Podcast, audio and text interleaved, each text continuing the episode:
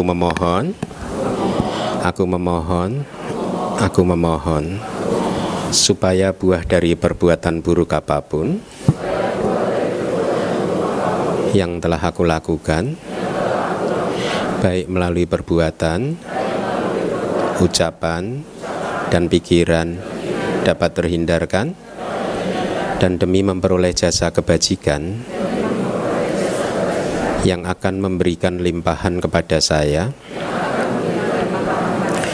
dengan umur panjang, kesehatan, kebebasan dari segala bahaya dan bencana. Aku merangkapkan kedua telapak tanganku, beranjali dan memberikan puja, menghormati dan bersujud penuh dengan kerendahan hati kepada Tik Ratana, Buddha, Dhamma, dan Sangga. Untuk kedua kalinya, aku memohon, aku memohon, aku memohon supaya buah dari perbuatan buruk apa pun yang telah aku lakukan, baik melalui perbuatan, ucapan, dan pikiran, dapat terhindarkan, dan demi memperoleh jasa kebajikan yang akan memberikan limpahan kepada saya dengan umur panjang kesehatan, kebebasan dari segala bahaya dan bencana. Aku merangkapkan kedua telapak tanganku, beranjali dan memberikan puja, menghormati dan bersujud penuh dengan kerendahan hati kepada Tiratana, Buddha, Dhamma, dan Sangga. Untuk ketiga kalinya, Aku memohon, aku memohon, aku memohon supaya buah dari perbuatan buruk apa pun yang telah aku lakukan, baik melalui perbuatan, ucapan, dan pikiran dapat terhindarkan, dan demi memperoleh jasa kebajikan yang akan memberikan limpahan kepada saya dengan umur panjang, kesehatan, kebebasan dari segala bahaya dan bencana, aku merangkapkan kedua telapak tanganku, beranjali dan memberikan puja, menghormati dan bersujud penuh. Dengan kerendahan hati kepada Tiratana, Buddha, Dhamma, dan Sangga. Dan dengan perbuatan yang baik ini,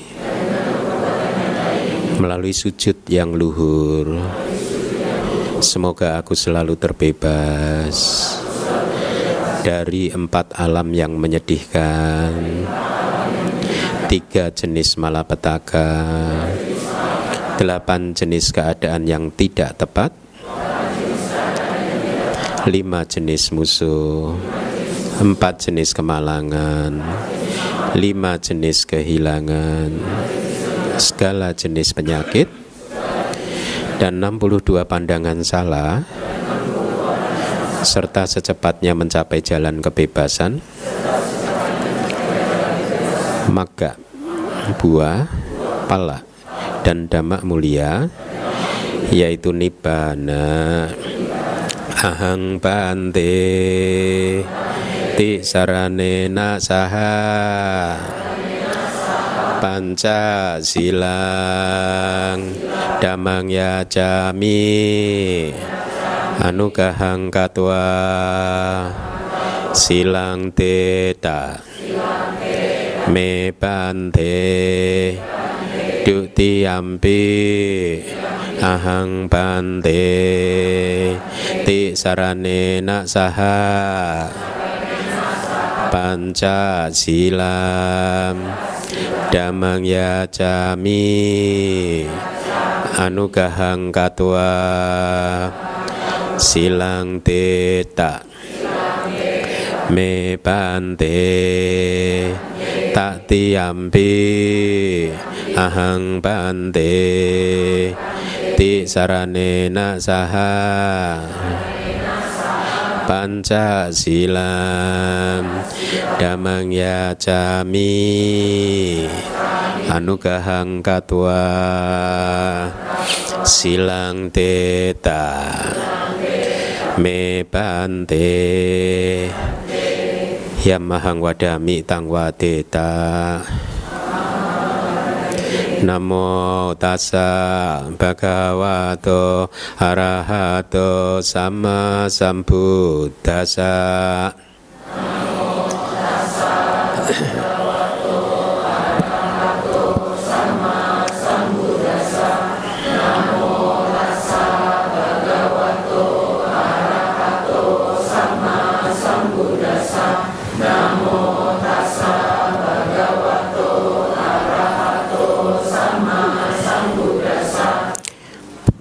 Buddhang seranang gacami, damang seranang gacami, sanggang seranang gacami.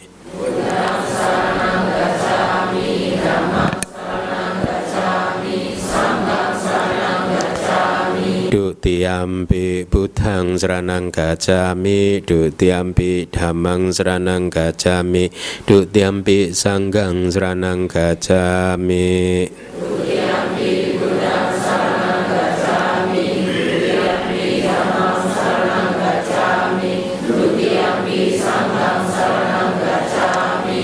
tiampi buddhang seranang gacami tak tiampi damang seranang gacami tak tiampi sanggang seranang gacami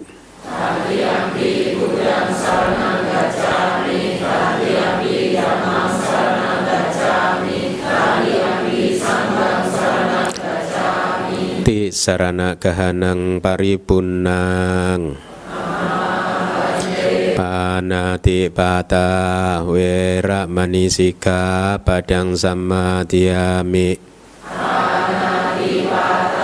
wera manisika padang samadhyami. Adinna dana wera manisika padang samadhyami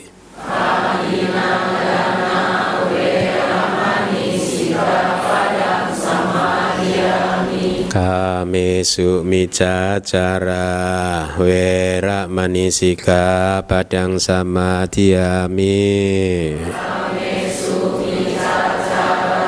wera manisika padang samadhyami Musawada wera manisika padang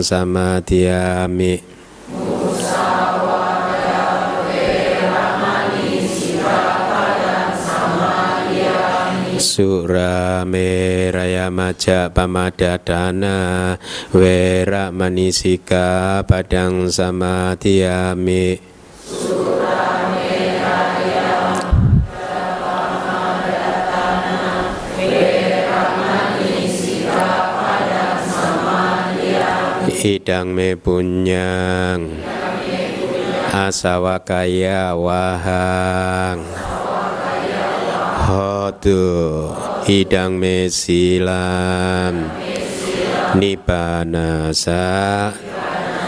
Pacayo Hotu Ti sarana saha Pancasila Damang sadukang katua pemadina Sampadeda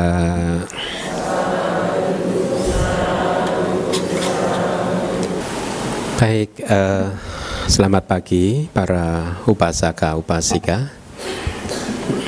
Oke. Ya, semoga Anda semua dalam keadaan baik, sehat. Ya. Uh, kita melanjutkan pelajaran Maha Manggala Sutta. Ya, sebenarnya ini harusnya sutta basic ya, sutta dasar buat umat Buddha ya. Tetapi jangan dipandang sebelah mata meskipun ini dianggap sebagai suta yang sangat mendasar ya. Jangan berpikir bahwa ini adalah suta untuk pemula. Kadang kadang umat Buddha itu ada yang wah saking mungkin tertarik belajar abidama atau apa yang rumit-rumit sehingga suta-suta yang dianggap suta yang mudah mendasar itu kemudian dipandang sebelah mata. Tetapi sesungguhnya menurut saya pribadi dan ini harusnya juga menurut Anda Anda harus meyakini bahwa suta ini adalah suta yang sangat penting. Karena suta ini memberikan semua informasi yang diperlukan kepada kita untuk bisa mengembangkan membangun kehidupan kita menjadi lebih baik lagi ya. Kenapa ada manusia yang kehidupannya tidak maaf berkualitas. Sementara manusia yang lain bisa menjalani kehidupan ini dengan penuh kualitas baik itu kualitas uh, duniawi maupun kualitas spiritual kualitas batinnya yang membedakan dari keduanya adalah bahwa yang satu adalah seseorang yang tidak mahir membangun kehidupannya, yang satunya lagi adalah seseorang yang mahir membangun kehidupannya. Ya, seperti seorang yang membangun gedung bertingkat ya yang satu adalah seseorang yang tidak mempunyai ilmu sama sekali tentang bangunan akhirnya begitu dia bangun uh, bangunan yang dia kembangkan yang dia bangun pun roboh. Atau kalaupun jadi tidak indah. Goyang sini goyang kanan tidak pernah bisa tenang ya. Sebaliknya mereka yang mempunyai ilmu yang cukup tentang bangunan, mereka akan bisa membangun gedung in, yang indah, kokoh, bertahan lama, tenang, tidak goyang diterjang oleh angin-angin uh, ya dari utara, dari timur, selatan dan barat. Nah ini perumpamaan yang sangat bagus ya. Nah, mereka yang kehidupannya itu penuh dengan kesulitan, penuh dengan keluhan, penuh dengan ketidakbahagiaan, penuh dengan ketidakberuntungan. Sesungguhnya hal ini disebabkan karena mereka sendiri membangun kehidupannya dengan tidak indah, mereka tidak mahir membangun kehidupannya sendiri, ya. E, kenapa tidak mahir? Karena tidak mempunyai pengetahuan yang cukup untuk bagaimana bisa membangun satu kehidupan yang indah. Ya, sebaliknya yang satunya adalah seseorang yang benar-benar tahu cara membangun kehidupan ini dengan indah. Nah, Uh, banyak cerita-cerita yang bisa kita temui di kitab-kitab uh, kita bahwa ada seseorang manusia yang sesungguhnya sejak lahir dia mempunyai karma yang cukup baik, karma bagus yang sangat kuat sekali uh, terlahir dari keluarga yang kaya raya, menikah dengan orang yang juga terlahir dari keluarga yang kaya raya, suami istri dari garis keturunan ke atas, leluhur-leluhurnya adalah keluarga yang kaya raya dan keluarga yang baik-baik. Tetapi setelah mereka menikah, karena mereka tidak mempunyai pengetahuan dhamma, akhirnya mereka menghabiskan kehidupannya dua per tiga dari kehidupannya hanya untuk bersenang-senang berfoya foya-foya ya.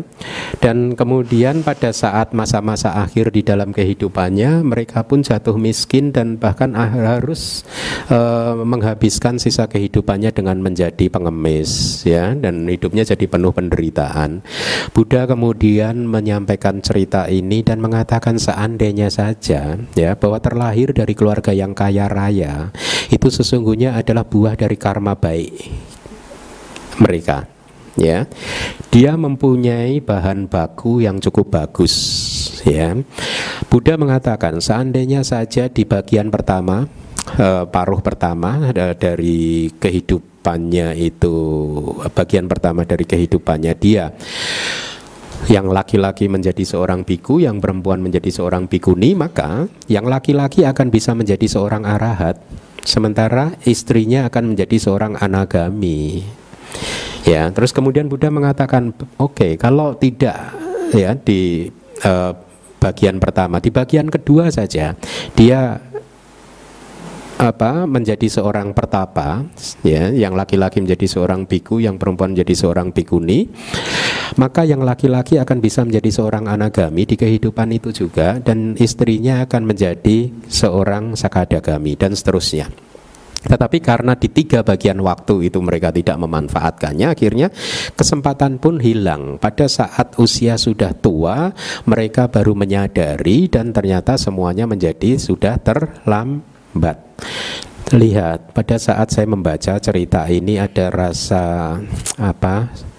Satu rasa ketergugahan, tergugah dari dalam diri saya bahwa saya harus memanfaatkan waktu kehidupan ini sebaik-baiknya. Kenapa? Karena pada saat usia sudah tua saya menyadari kalau nanti usia saya sudah tua belum tentu fisik saya sesehat sekarang ya kalaupun sehat tidak ada penyakit apa pun ya belum tentu juga sekuat yang sekarang daya tahan untuk menahan dingin tidak sekuat sekarang. Kalau kita bertapa di hutan daya tahan untuk uh, menjalani kehidupan yang keras juga tidak sekuat yang sekarang ya. Karena sekarang usia masih cukup muda. Sehingga pada saat uh, rasa itu ada apa yang muncul? Ada satu tekad untuk mempelajari kitab suci mengumpulkan semua informasi yang penting di dalam yang diberikan oleh Buddha kepada kita dan kemudian cepat-cepat melatihnya. Ya. Uh, informasi yang penting yang diberikan Buddha di dalam kitab suci kelihatannya kitab suci kita itu luas sekali tetapi kalau dirumuskan kitab suci kita itu hanya berbicara tentang dua hal ya dan ini merujuk kepada kata-kata Buddha sendiri bahwa sejak awal sampai hari ini Buddha berkata, yang saya ajarkan, yang saya babarkan hanya dua saja, yaitu apa? Duka dan duka niroda, ya. Penderitaan dan juga padamnya penderitaan, lenyapnya penderitaan. Jadi semua dari keseluruhan kitab suci yang luas sekali itu hanya bermuara kepada dua hal ini, yaitu duka dan padamnya duka. Nah, duka tidak untuk dihindari, penderitaan tidak untuk dihindari karena penderitaan itu sudah menjadi ciri karakteristik yang akan terus kita alami di dalam kehidupan ini. Anda tidak akan bisa menghindari duka. Ya, karena Anda sudah lahir, kita semua sudah lahir, maka duka adalah harga yang harus kita bayar di dalam kehidupan ini. Mau tidak mau duka akan kita alami terus-menerus. Lalu mungkin Anda bertanya, kalau duka akan kita alami terus-menerus di dalam kehidupan ini berarti kapan saya bahagianya? Bahagia akan tercapai kalau Anda memahami duka apa adanya. Pada saat Anda bisa memahami bahwa kehidupan ini adalah penderitaan, ya, bahwa kehidupan ini adalah tidak kekal, di situlah ada kedamaian. Anda akan mulai berdamai dengan diri, diri Anda sendiri. Anda akan berdamai dengan emosi-emosi Anda sendiri. Anda akan berdamai dengan perbuatan-perbuatan salah yang Anda lakukan di masa lalu atau perbuatan baik yang tidak Anda lakukan di masa lalu. Anda akan berdamai dengan sekeliling Anda, dengan lingkungan Anda. Salah satu ciri bahwa kita sudah berkembang di dalam uh, latihan Buddhis, latihan spiritual kita adalah kita akan menjadi semakin menjadi seseorang yang semakin menomorsatukan keharmonisan. Kita akan menjadi seseorang yang semakin tidak menyukai konflik. Kita akan menjadi seseorang yang tidak uh, apa mengizinkan kilesa untuk uh, meledak keluar. Kita akan menjadi seseorang yang penuh pengendalian diri. Kita akan menjadi seseorang yang tidak mudah digoyang oleh dunia ini ya oleh emosi-emosi kita, oleh emosi-emosi orang lain. Hati-hati ya karena kita hidup dikelilingi oleh orang-orang yang tidak tercerahkan. Maka orang-orang yang tidak tercerahkan teman-teman Anda itu kanan kiri Anda depan belakang Anda sadarilah mereka itu manusia biasa belum tercerahkan.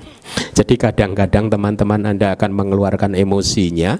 Nah, justru pada saat itulah Anda harus mengendalikan diri Anda dan menguji mengamati apakah Anda sudah berkembang maju di dalam latihan Anda, apakah Anda masih terpengaruh oleh lingkungan Anda, atau Anda akan menjadi seseorang yang benar-benar mempromosikan kedamaian dan keharmonisan.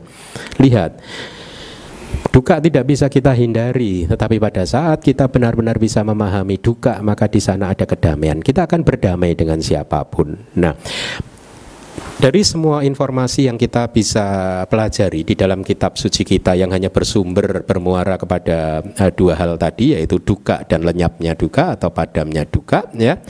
Salah satu informasi yang penting ada di Manggala Sutta ini. Maha Manggala Sutta memberikan banyak sekali informasi yang berharga tentang bagaimana kita membangun kehidupan kita sendiri dari mulai yang pertama tidak bergaul dengan orang yang tidak bijaksana, bergaul hanya dengan orang yang bijaksana, menghormati menghormati mereka yang pantas untuk dihormati. Kemudian dan seterusnya tinggal di tempat yang strategis dan uh, telah melakukan perbuatan baik di masa lalu dan lain sebagainya. Ini adalah satu uh, fondasi yang harus kita ciptakan harus kita ciptakan sendiri. Anda tidak bisa meminta bantuan orang lain untuk membangun kehidupan Anda. Tidak. Masing-masing dari kita bertanggung jawab terhadap kehidupan kita masing-masing.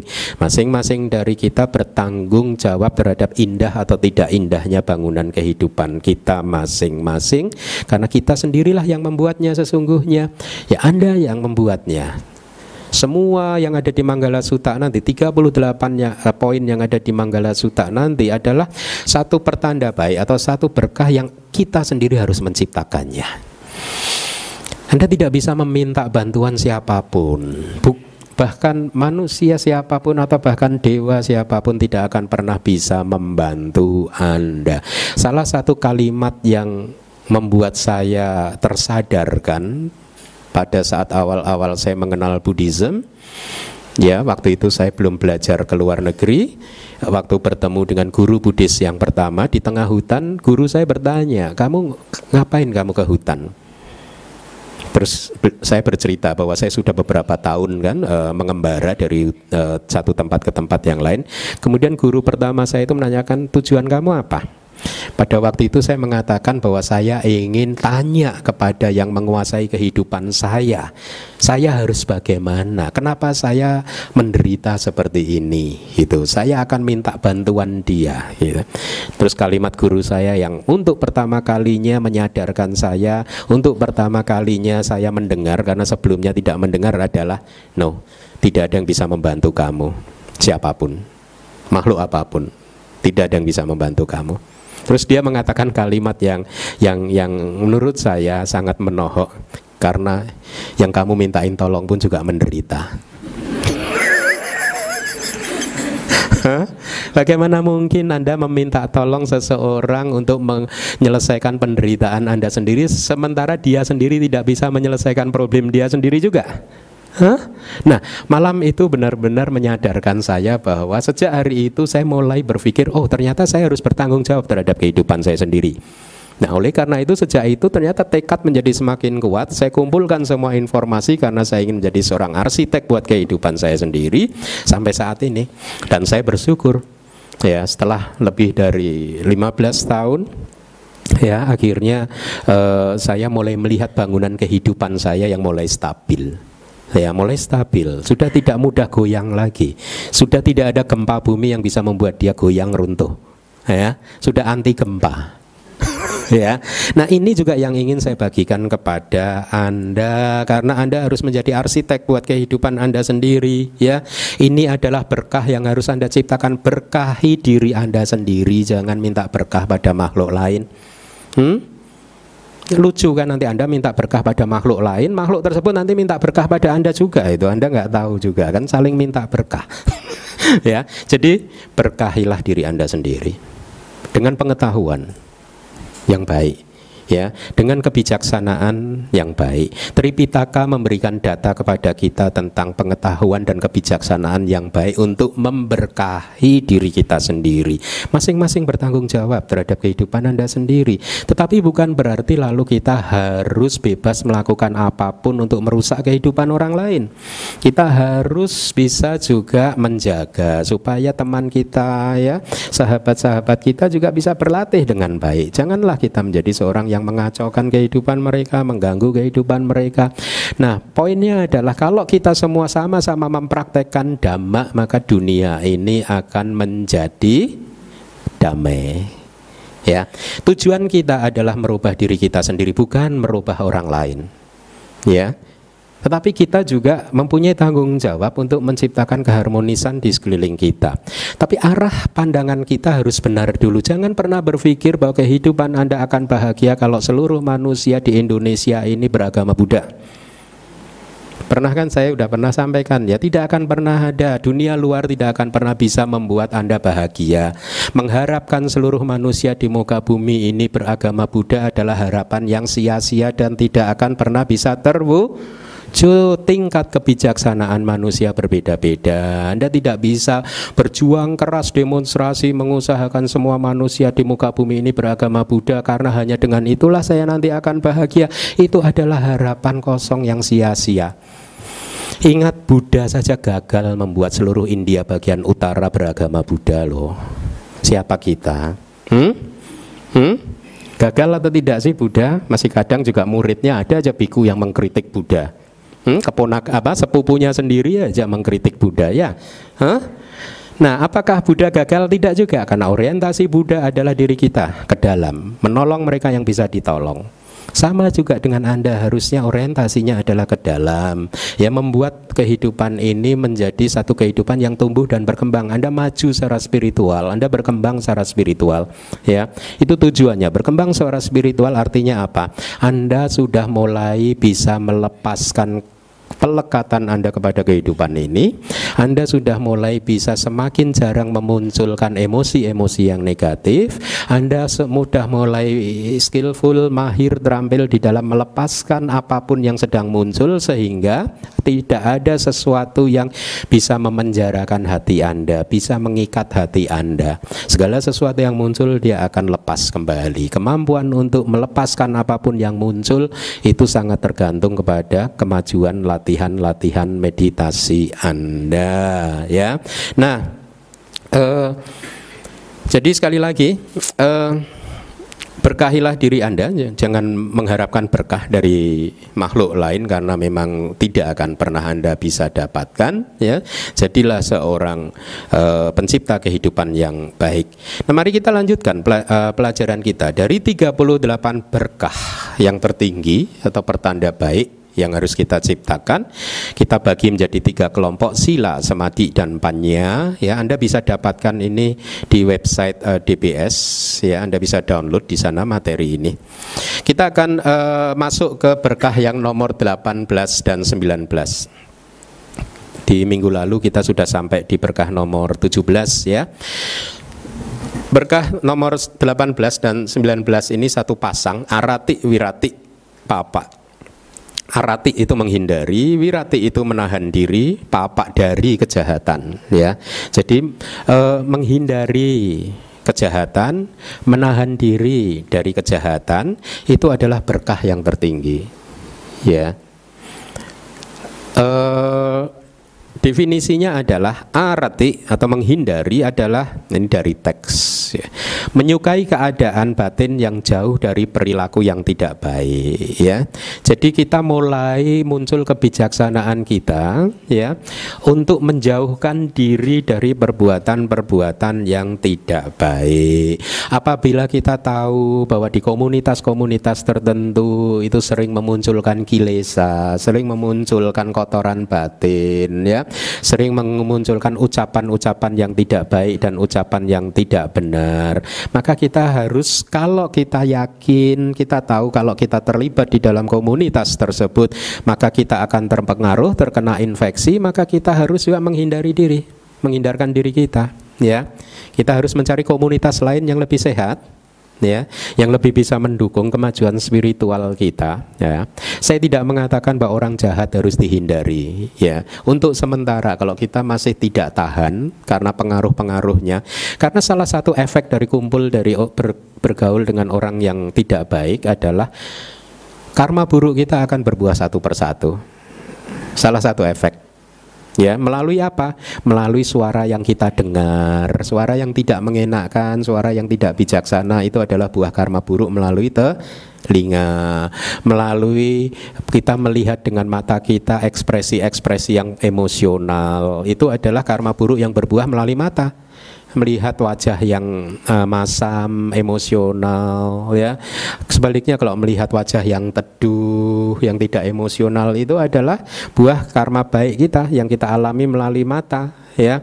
Jadi Berkumpul dengan orang-orang yang tidak baik ada risikonya. Makanya Anda harus menggunakan kebijaksanaan Anda apabila berkumpul dengan lingkungan tertentu hanya akan membuat emosi-emosi Anda semakin menguat, akan membuat Anda semakin sering memetik karma buruk Anda, maka Anda harus memutuskan bahwa ini saatnya untuk menghindari mereka ya bukan karena kita membenci mereka ya bukan karena membenci mereka tetapi semata-mata karena uh, kita ingin menjaga kita dan juga menjaga mereka karena kalau kita ikut-ikutan emosional nanti mereka juga ikut terkena dampaknya kan hmm? ya. Jadi menghindari bukan karena keputusan yang emosional tetapi menghindari karena keputusan yang muncul dari kebijaksanaan. Kita harus tahu di lingkungan seperti apa kita bergaul. Gitu. Dulu pada waktu saya masih di luar negeri, nasihat guru saya itu begini. Ada satu nasihat dari guru saya, ya. Uh, iya, tapi nasihat ini diberikan sambil bercanda sih, gitu. Ya, kalau kamu ini ini saya poles lah ini dengan kalimat saya tambahin sedikit tapi intinya sama. Kira-kira begini, kalau kita hidup di lingkungan yang salah maka kita akan semakin sering memetik uh, buah karma buruk kita ya. Nah, kata-kata guru saya ini ya, kalau kita hidup di satu lingkungan ya, di lingkungan yang salah gitu. Dia berkata gini, jangan memberikan berlian kepada monyet. karena dia tidak akan pernah bisa mengapresiasi berlian ya sebaliknya dia akan dia apa e, mungkin akan malah menghancurkan berlian tersebut membuangnya atau apa pun yang akan membuat kita malah mendapatkan e, hal-hal yang tidak enak gitu terus Kemudian guru saya mengatakan kalau ketemu monyet ya diberinya pisang. Jangan diberi berlian gitu. Itu nasihat yang kira-kira maknanya adalah seperti ini. Kita tahu di lingkungan seperti apa kita hidup ya. Semua lingkungan mempunyai levelnya masing-masing ya kelihatannya sarkastik ya. Tetapi beliau menyampaikannya dengan tersenyum dengan bercanda begitu. Ya tidak ada maksud untuk menyakiti siapa-siapa hanya membuat kita sadar bahwa kadang idealisme kita tidak cocok dengan lingkungan tempat kita hidup.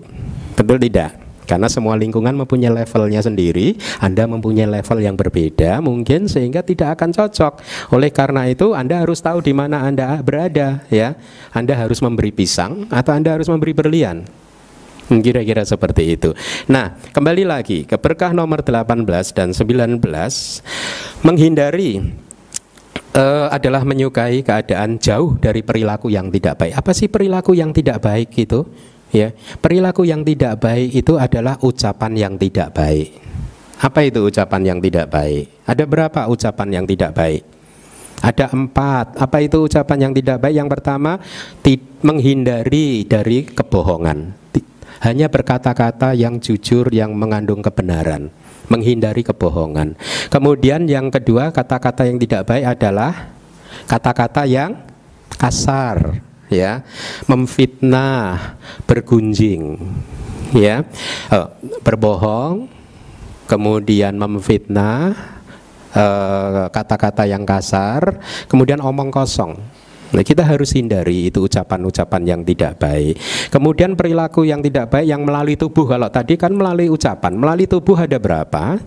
Ada tiga yang harus kita hindari, yaitu apa? Membunuh makhluk hidup, ya mengambil benda yang tidak diberikan kepada kita artinya mencuri ya atau bersinah jadi ucapan yang tidak baik dan perbuatan tubuh yang tidak baik ini yang harus kita hindari. Ada lagi yang harus kita hindari satu yaitu apa?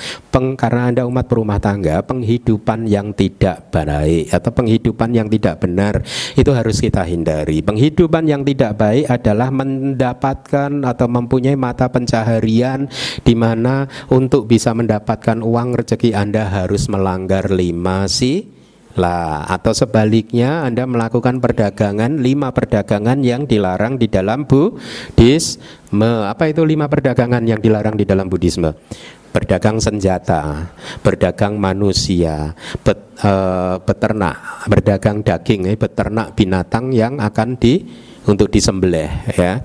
Kemudian hmm, racun dan e, minuman keras Lima perdagangan ini harus kita hindari ya. Kemudian profesi yang membuat Anda harus melanggar sila juga hendaknya harus dihindari. Maka dengan demikian Anda sudah menciptakan berkah yang nomor 18 dan 19 menghindari dan sekaligus menahan diri ya. Jadi menghindari dan menahan diri itu akan menghilangkan pikiran jahat yang sudah muncul. Kalau kita tahu bahwa pikiran jahat sedang muncul maka kita harus segera melenyapkannya.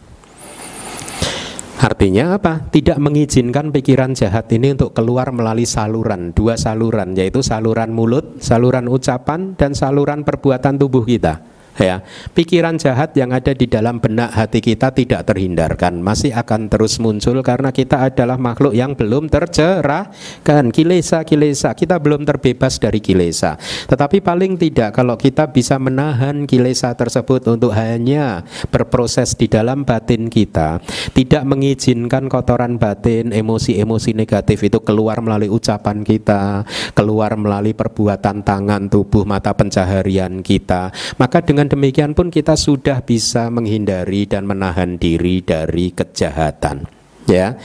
Kita akan istilahnya itu kotoran batin, emosi-emosi negatif itu seperti harimau yang liar. Kita hanya masukkan di dalam kerangkeng di dalam hati kita saja. Kemudian kita coba untuk lenyapkan, kita lepaskan supaya dia segera lepas keluar dari kerangkeng hati kita. Ya, e, maksud saya tidak lepas keluar melalui mulut dan ucapan tetapi lepas dan keluar karena dia lenyap dari hati kita ya. Jadi e, kalau kita tahu bahwa kotoran-kotoran batin sedang menguasai hati kita maka kita harus segera mengizinkannya untuk lenyap. Nah kemudian pertanyaannya adalah bagaimana anda tahu bahwa yang sedang ada di dalam hati anda itu adalah kotoran batin? Karena anda sendiri tidak tahu kotoran batin itu apa saja kan? Betul tidak di kelas-kelas yang terdahulu saya sampaikan kan, sesungguhnya tidak ada makhluk apa pun yang secara sengaja berbuat kejahatan dan menyukai kejahatan. Tidak ada. Yang ada adalah perbuatan jahat yang dilakukan oleh seseorang karena orang tersebut tidak tahu bahwa yang dia lakukan itu sesungguhnya adalah perbuatan jahat. Paham? Ya. Tidak ada makhluk yang bangga dengan perbuatan jahatnya. Yang ada adalah makhluk yang menderita karena tidak bisa keluar dari perbuatan jahat tersebut. Dia ingin menjadi manusia yang tidak emosional, tetapi emosinya terlalu kuat sehingga dia kayak menjadi terperangkap di belenggu dan menjadi budak dari emosi-emosinya. Dia ingin bebas dari emosi tapi tidak bisa. Ya, yang satu itu kalau dia tahu itu emosi itu tidak baik. Tetapi ada jenis manusia yang lain yang tidak tahu bahwa emosi-emosi tersebut sesungguhnya adalah perbuatan yang tidak baik. Paham? Ya. Mereka sering yang berbuat kebaikan itu uh, apa? Yang berbuat kejahatan sering kali mereka berpikir ya bahwa yang mereka lakukan itu sesungguhnya adalah perbuatan baik yang akan membawa manfaat buat diri dia sendiri dan juga buat orang lain. Itu menurut khayalan-khayalan mereka menurut opini-opini mereka. Maka kembali lagi kalau Anda menjadi umat Buddha tujuan Anda adalah berjuang untuk membuat seluruh manusia di muka bumi ini menjadi beragama Buddha. Karena hanya dengan demikianlah kalau seluruh manusia beragama Buddha maka Anda akan bahagia. Maka itu adalah khayalan-khayalan Anda karena kebahagiaan tidak akan pernah bisa muncul dari hal-hal yang bersifat eksternal seperti itu. Anda bisa bayangkan nggak seandainya saja ini seluruh manusia di muka bumi ini beragama Buddha, apakah akan ada kehidupan yang harmonis? Enggak, Anda akan mulai mencari kesalahan teman Anda. Akan ada saja ya usaha-usaha dari pikiran untuk mencari-cari kesalahan kepada makhluk yang lain. Kenapa? Karena sifat dari kilesa itu akan selalu mendorong kita untuk menyalahkan dunia. Menyalahkan dunia. Dunia luar akan selalu saja ketemu kesalahannya oleh kilesa. Kilesa itu pintar sekali. Kotoran batin, emosi negatif itu pintar sekali untuk menemukan kesalahan di dunia ini. Hmm? Kotoran batin itu sangat bijaksana untuk menemukan alasan dia untuk marah-marah. Betul tidak? Kotoran batin itu sangat bijaksana untuk menemukan alasan yang baik buat dia untuk menghancurkan kebahagiaan makhluk lain. Betul tidak? Nah, oleh karena itu kembali lagi pentingnya belajar dhamma adalah membuat kita mempunyai orientasi yang benar, orientasi yang jelas bahwa ada keadaan batin, keadaan batin tertentu yang disebut sebagai kotoran batin ya. Ada keadaan batin yang disebut kotoran batin ini yang harus kita hancur kan musuh kita hanya satu yaitu kotoran batin dan kotoran batin itu adanya di dalam bukan ada di luar. Jadi dunia di luar itu sudah baik-baik saja. Ya. Dunia di luar itu sudah baik-baik saja. Kalau kita masih menjadi seseorang yang complaining mind, yang mengeluh ini, mengeluh sana, hati-hati. Pada saat itu maka Anda harus mulai mengambil lap untuk membersihkan kacamata Anda karena yang kotor sesungguhnya adalah kacamata Anda no, kayak Ibu tadi dibersihkan gini. Langsung jernih kan, Bu? Beda kan tadi buram ya.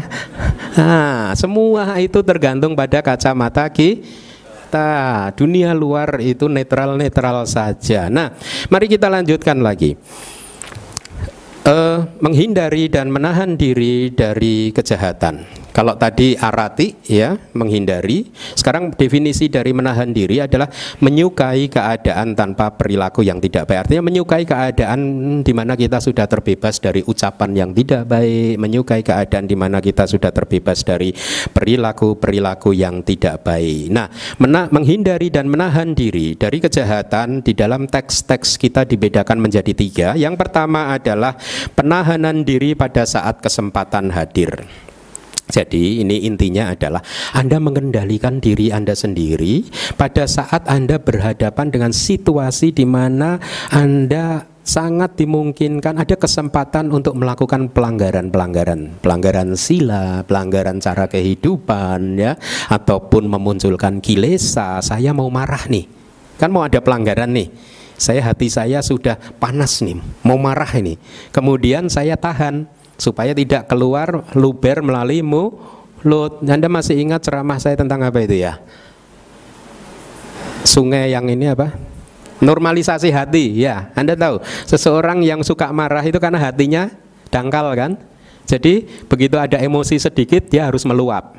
Betul tidak? Meluapnya lewat Nah, melewat kanalnya itu mulut salah satunya atau lewat mata atau lewat tangan perbuatan tubuh dan lain sebagainya. Kenapa orang bisa seperti itu? Karena hatinya dangkal. Kenapa dangkal penuh kotoran?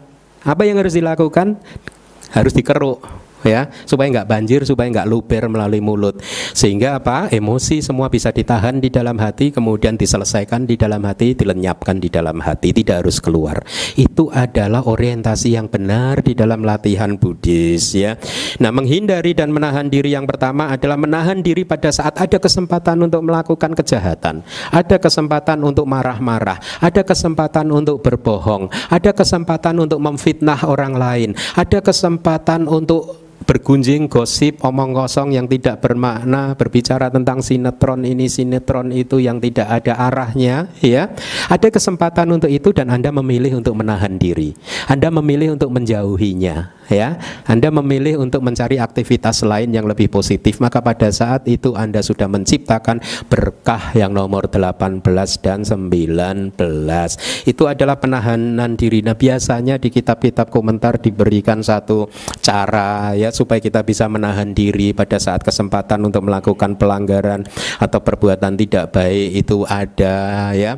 Caranya adalah dengan merenungkan. Kita merenungkan uh, apa status kita, kita merenungkan kelahiran kita, ya, kita merenungkan uh, pendidikan kita, ya, sungguh tidak pantas, ya, manusia seperti saya yang sudah berpendidikan tinggi, lulusan uh, sarjana S1, S2 atau mungkin S3 melakukan ucapan-ucapan yang tidak baik, betul tidak? Ya, kita senantiasa terus merenungkan, tidak pantas seperti saya seorang biku yang sudah sejak awal tahu bahwa menjadi seorang biku itu harus mematuhi peraturan-peraturan disiplin yang segitu banyaknya ya. Pada saat saya ditahbis saya sudah tahu dan saya berjanji saya akan memenuhi janji-janji saya untuk mempraktekkan sila-sila saya. Eh, begitu ditahbis minta diskon ya biasanya kan begitu kan setelah jadi janjinya enggak ini kan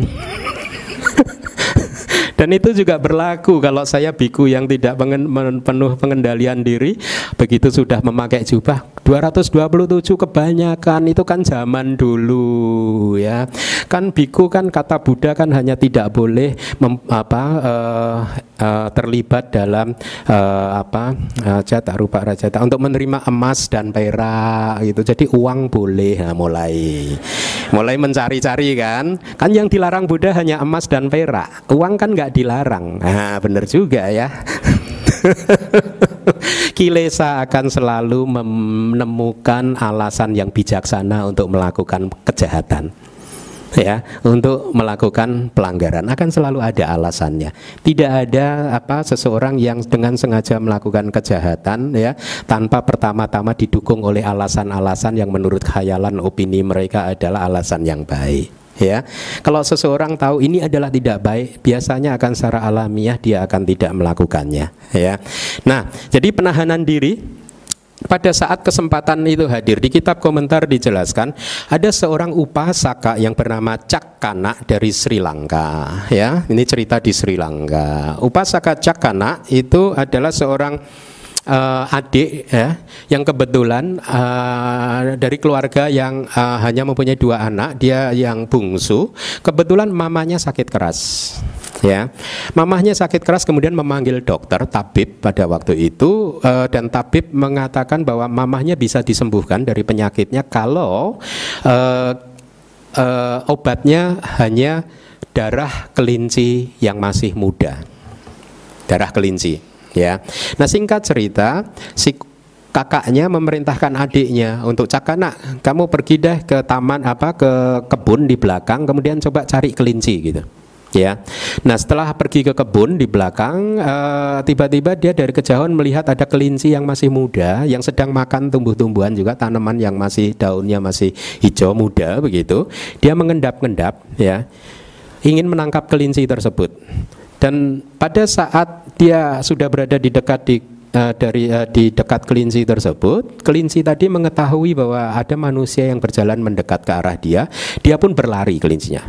Singkat cerita, akhirnya dikejar oleh cakana dan kelinci tadi terperangkap dalam semak belukar, tidak bisa lolos dari jeratan semak belukar, dia hanya bisa berteriak-teriak saja, ya.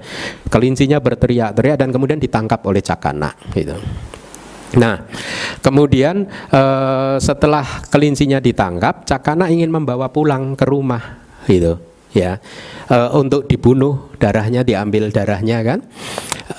Seketika, uh, tetapi pada saat uh, pikiran tersebut muncul, beberapa saat kemudian uh, secara uh, secepat kilat, pikiran positif yang lain muncul.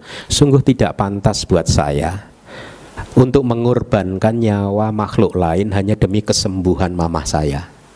Ya. Dan kemudian berpikir demikian akhirnya Cakana melepaskan kelincinya. Kamu bebas hidup untuk mendapatkan kebahagiaan kamu. Kemudian Cakana pulang. Sesampainya di rumah dia ditanya oleh kokonya oleh kakaknya mana kelincinya? Kemudian Cakana menceritakan apa yang terjadi. Kokonya marah-marah kamu bodoh. Ya Kenapa kamu mengorbankan sakit mama hanya demi uh, nyawa seekor kelinci yang tidak berharga? Kira-kira seperti itu. Tapi Cakana tetap pada pendiria, pendiriannya dan kemudian dia menghampiri mamahnya. Kemudian dia mengatakan kebenaran, menyatakan kebenaran. Ini tradisi Buddhis yang baik, pernyataan kebenaran. Si Cakana mengucapkan kebenaran seperti ini. Sejak saya lahir di dalam adalah di kehidupan ini sampai hari ini, seingat saya ya, saya tidak pernah uh, membunuh makhluk hidup dengan sengaja dengan sepengetahuan saya itu semoga dengan pernyataan kebenaran ini mama bisa sembuh dari sakitnya. Dan singkat cerita kembali lagi happy ending story mamahnya sembuh karena pernyataan kebenaran tadi. Tapi moral dari story ini adalah bahwa lihat cerita-cerita Buddhis itu sangat lembut sekali. Ya, bahkan mama yang sakit ya ada seorang anak yang tidak tega untuk mengorbankan nyawa seekor kelinci hanya demi untuk mengobati mamahnya saja pemahaman bahwa makhluk hidup yang lain pun juga uh, pantas dan layak untuk mendapatkan kehidupan yang aman, nyaman, tentram, damai itu sangat tinggi sekali. Lihat, seandainya saja kita yang ada di sini mempunyai pemahaman yang selembut itu bahwa teman-teman Anda di samping kanan, kiri, depan, belakang Anda adalah makhluk yang juga berhak untuk mendapatkan ketenangan, kedamaian, kebahagiaan, kehidupannya yang nyaman, maka bukankah kita akan mendukung keinginan-keinginan tersebut? Pada hakikatnya semua manusia ingin bahagia. Oleh karena itu, kalau kita mencintai diri kita sendiri, kita tahu bahwa kita ingin bahagia, maka dengan demikian pula kita tahu bahwa orang lain pun juga ingin bahagia sama seperti kita. Dan dengan pemahaman-pemahaman yang seperti itu akhirnya kita akan benar-benar bisa menjaga diri kita sendiri supaya tidak memberikan problem masalah kepada orang lain. Sebaliknya kita malah mendukung orang lain untuk bisa merealisasi tujuan kehidupannya menjadi manusia yang damai, bahagia, berkualitas di dalam kehidupannya. Nah, itu adalah uh, menghindari dan menahan diri yang uh, uh, pertama ya. Uh, kemudian yang kedua adalah semadana wirati atau penahanan diri karena sedang mengamalkan sila. Jadi ceritanya agak berbeda. Ada seorang upasaka baru saja mengambil sila dari seorang bante, seperti Anda tadi mengambil Pancasila kan? Ya. Pancasila jangan jangan tiba jangan Anda memahaminya seperti ini. Kan lima sila itu yang dilarang hanya berbohong, Bante. Sila keempat apa sih? Bukan dilarang menahan diri ya untuk uh, lebih mengendalikan diri untuk tidak berbohong gitu. Berarti berkata-kata kasar boleh dong Bante? Kan kata-kata apa yang tertulis hanya dari berbohong kan? Hah? Jangan begitu memahaminya. Ya, sila yang keempat itu tidak hanya uh, satu latihan kepada uh, yang diberikan kepada Anda untuk menjauhkan diri, menahan diri dari ucapan yang bohong, tidak mengandung kebenaran, tetapi juga menahan diri dan menjauhkan diri dari tiga ucapan yang tidak baik yang lainnya, yaitu apa? Fitnah, kata-kata kasar dan omong kosong. Ya oleh karena itu praktekkanlah itu sila yang keempat apalagi di dalam komunitas seperti ini. Kalau kita cermati sejarah eh, apa sejarah eh, peradaban manusia di muka bumi ini hancur itu penyebab utama kehancuran adalah ucapan yang tidak terkendali. Betul tidak? Hmm? Ucapan yang muncul dari opini yang kita anggap sebagai kebenaran tetapi menyakiti makhluk lain ya membuat orang lain menderita ya. Kita tidak mempunyai cukup tanggung jawab untuk menjaga supaya orang lain tidak menderita gara-gara perbuatan kita. Oleh karena itu ucapan yang benar itu sangat penting di dalam kehidupan bersosial seperti ini. Ucapkan hanya kata-kata yang jujur yang mengandung kebenaran yang nyaman didengar telinga orang lain. Jangan mengucapkan kata-kata yang membuat telinga orang lain merah, panas dan lain sebagainya. Jangan mengucapkan kata-kata yang membuat orang lain itu sedih, stres, ya? kemudian semalaman nggak bisa tidur dan lain sebagainya. Ya, uh, jadi dengan menjaga ucapan kita, ya, maka kita juga berkontribusi untuk membuat dunia ini menjadi uh, tempat yang nyaman, indah, damai untuk kita uh, tempati dan menjadi tempat tinggal kita. Nah, yang kedua ini adalah seseorang menahan diri karena sudah mengambil sila seperti Anda tadi. Anda mengambil sila dari saya, kemudian setelah selesai kelas, ya, ada kesempatan untuk berbohong, kemudian Anda ingat, eh, nggak pantas dong ya, saya tadi kan baru saja mengambil sila dari Bante Keminda, baru satu jam kok sudah saya langgar. Akhirnya Anda menghindari dan menjauhkan diri dari kebohongan. Anda mempunyai kesempatan untuk berkata-kata kasar, tiba-tiba Anda teringat, eh nggak pantas dong ya. Tadi jam 9.30 baru saja mengambil sila dari Bante Keminda kok sekarang berkata-kata kasar. Anda menjauhkan diri dan menahan diri dari kata-kata kasar, maka Anda menciptakan berkah. Tidak tidak hanya Anda sedang mengamalkan sila Anda, tapi Anda juga menciptakan berkah yang nomor 18 dan 19 ya. Nah yang ketiga, samu cedak wirati itu penahanan diri dari kehan, uh, karena kehancuran. Ini, ini ini yang menjadi tujuan kita semua. Jadi kalau latihan meditasi kita berhasil, ya, pada saat seseorang berhasil di dalam latihan meditasinya dan mencapai maga dan pala seperti yang tadi kita baca pada saat uh, mengambil sila, mencapai jalan dan buah arahata ya. Maka pada saat itu sesungguhnya tidak hanya arahata pada saat seseorang mencapai jalan dan buah sotapati menjadi seorang sotapana pun ya.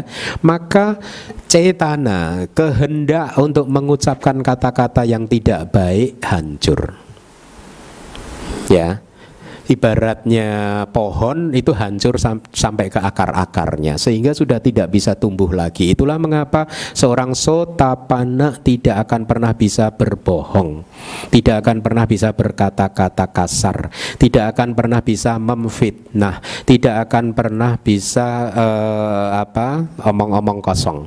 Seorang sotapana tidak akan pernah bisa melanggar lima sila. Ya bukan karena dia pengendalian dirinya kuat, bukan karena dia latihan eh, untuk apa menahan dirinya itu kuat ya. Tetapi semata-mata karena kecenderungan pikiran untuk melakukan pelanggaran itu sudah hancur sudah tidak akan pernah bisa muncul lagi.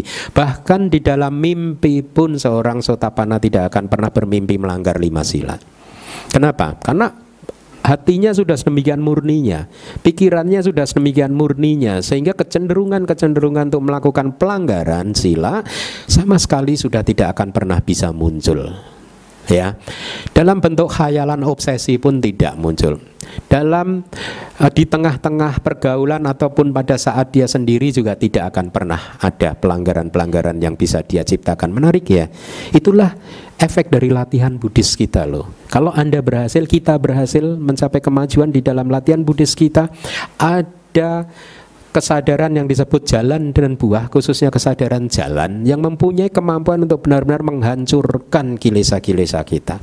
Sehingga sejak kemunculan itu kesadaran jalan tersebut setelah itu kilesa-kilesa kotoran batin emosi negatif tidak pernah bisa muncul lagi kehidupan akan menjadi indah ya kehidupan akan menjadi sangat tenang, damai dan bahagia karena apa? Musuh sudah terkalahkan. Kilesa sudah kita kalahkan ya.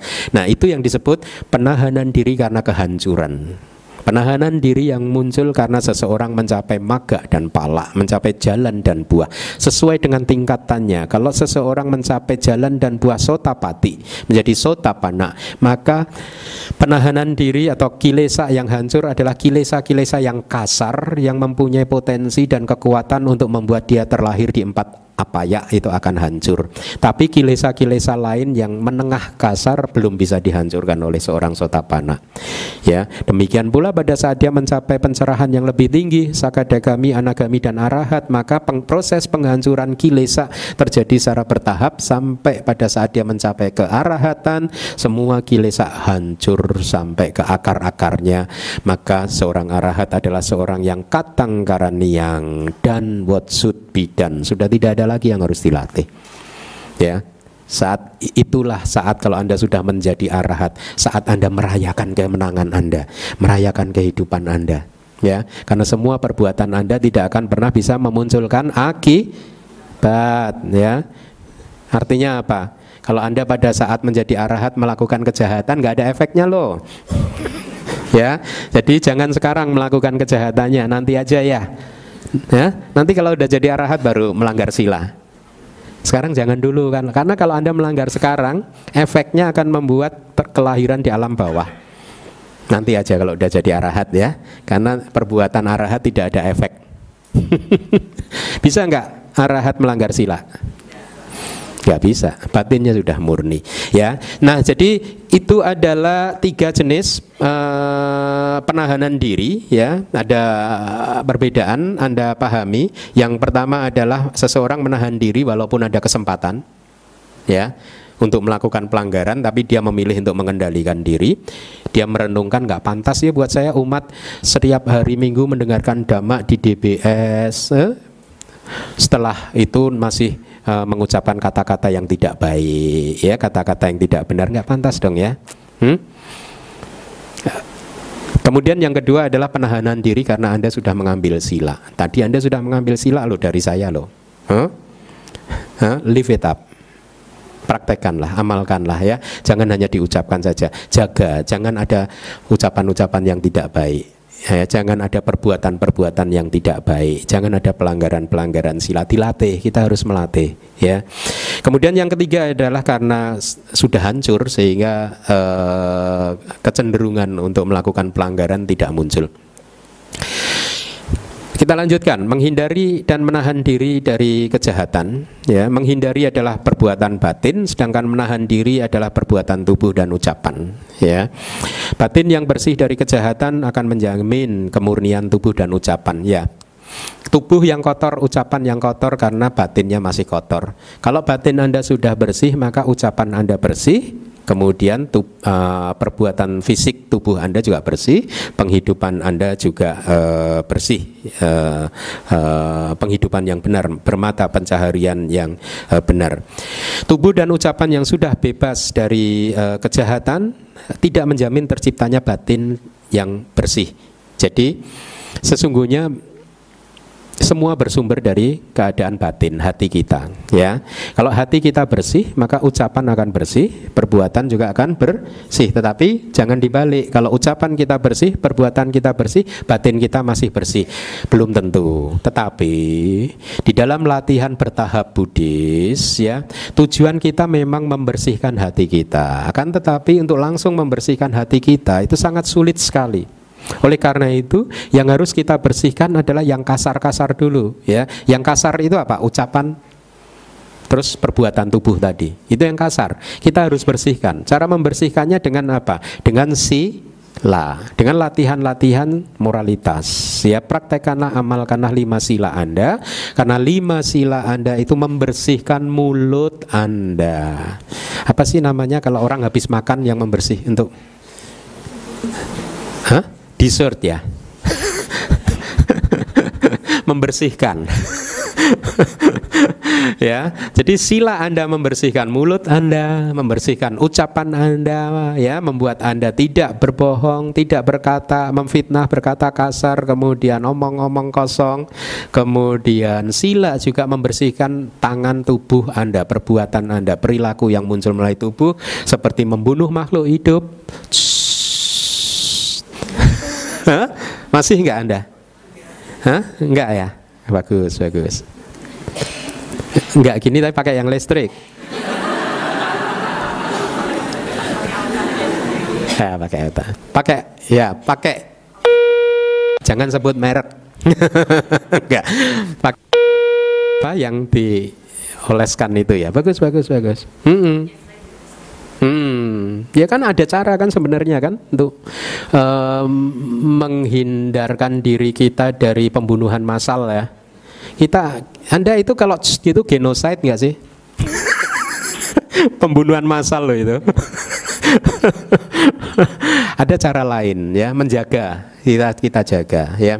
Jangan korbankan nafsu-nafsu sempit seperti ini dengan risiko yang mahal dan tinggi. Ya semua pelanggaran sila kalau dia berbuah mempunyai kekuatan untuk memunculkan kelahiran, maka dia hanya akan memunculkan kelahiran di alam yang rendah. Hmm? Bahaya nggak? Sekali anda berada seseorang jangan anda ya. Sekali seseorang berada di alam yang rendah, dia harus menderita di sana bisa tidak terbatas, bisa tidak terbatas. Jangka waktunya bisa lama sekali, ya, ya. Terlalu mahal mengorbankan uh, apa kedamaian yang bisa uh, rusak oleh kehidupan di alam rendah untuk jangka waktu yang lama hanya demi untuk makhluk yang sangat kecil kan sebenarnya. Anda tahu nggak sih? Karena sebenarnya saya kan sering kan di, di kuti itu ada nyamuk itu kan, ya sudah sejak lama saya amati nyamuk itu usianya nggak sampai seminggu kok, ya Rata-rata saya amatin perkembangannya gitu. Kalau sudah lima hari kelima dia ada di ruang kamar di kutik gitu ya, tubuhnya udah mulai keriput kok. Bener loh Anda amatin coba. Hari kelima dia udah kurus kering Kurus kering. Kalau hari pertama ya masih seger kan? Dia masih dapat makanan kita ya Darah kita ya. Itu masih seger Masih gemuk kan? Masih sehat gitu kan? Saya liatin aja. Kadang itu ya sampai begini. Kalau saya tahu ini makan nyedotnya udah kebanyakan malah saya tiup. Cukup Kenapa? Karena saya dulu sering mengamati nyamuk itu kan bodoh. Bodoh loh, dia begitu udah mendapat kesempatan menghisap darah kita, dia nggak akan berhenti berhenti sampai dia akhirnya nggak bisa jalan kekenyangan, nggak bisa nggak bisa terbang, perutnya udah menggelembung gitu. Makanya biasanya kalau saya udah digigit kan kelihatan tuh merahnya kesedot kan darahnya gitu. Kalau sudah mulai gemuk cukup lah, ntar darah tinggi loh kamu itu.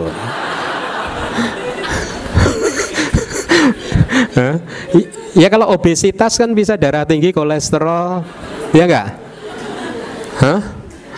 Maka kita harus membantu nyamuk untuk um, terhindar dari hal-hal seperti itu.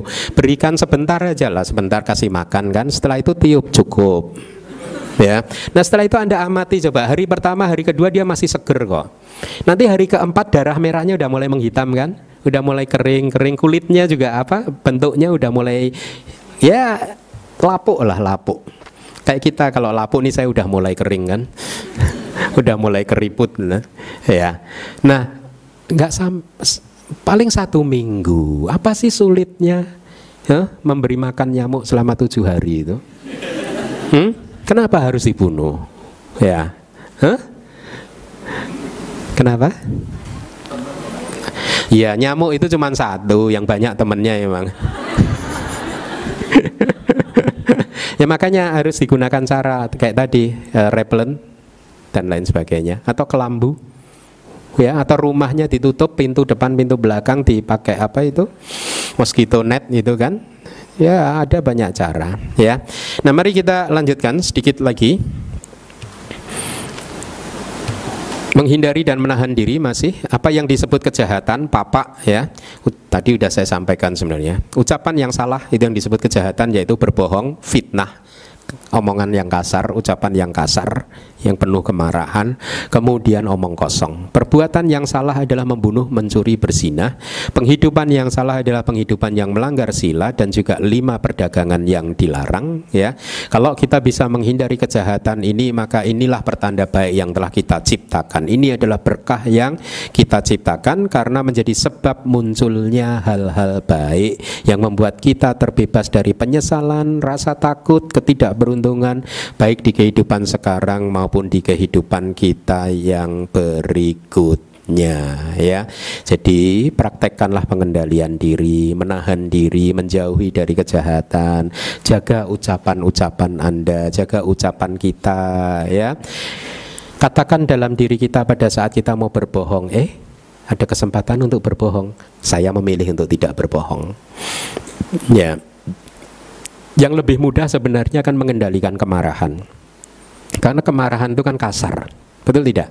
Sangat terasa kan? Mudah untuk mendeteksinya kan kasar itu kan? E, kemarahan kan?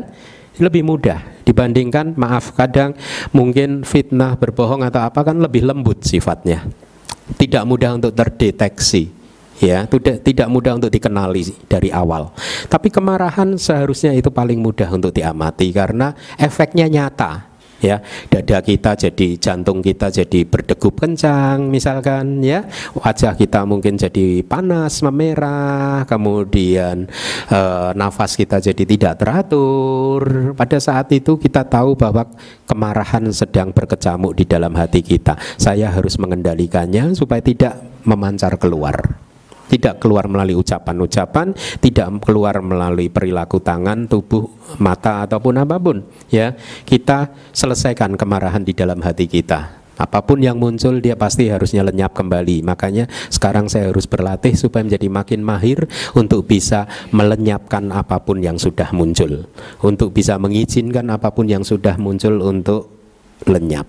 Itulah yang disebut duka niroda, padamnya penderitaan karena Anda sudah bisa memadamkan kemarahan. Nanti mungkin lima menit kemudian kemarahan muncul lagi. Kemudian pada saat itu Anda mendapat satu kesempatan lagi untuk berlatih untuk membuat Anda makin mahir terampil untuk memadamkan kemarahan.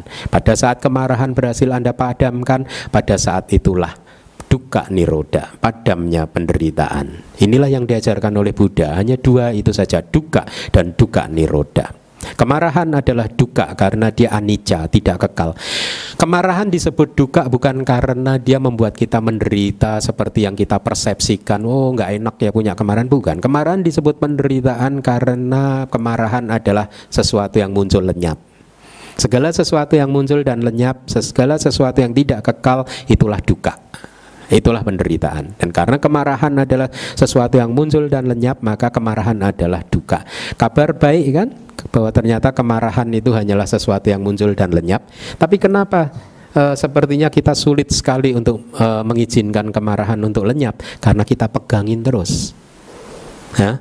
Karena kita freeze itu. Eh, kemarahan. Kita tidak tahu bagaimana cara melepaskan diri dari kemarahan. Kita tidak tahu bagaimana cara melepaskan kemarahan itu, membebaskan hati kita dari kemarahan.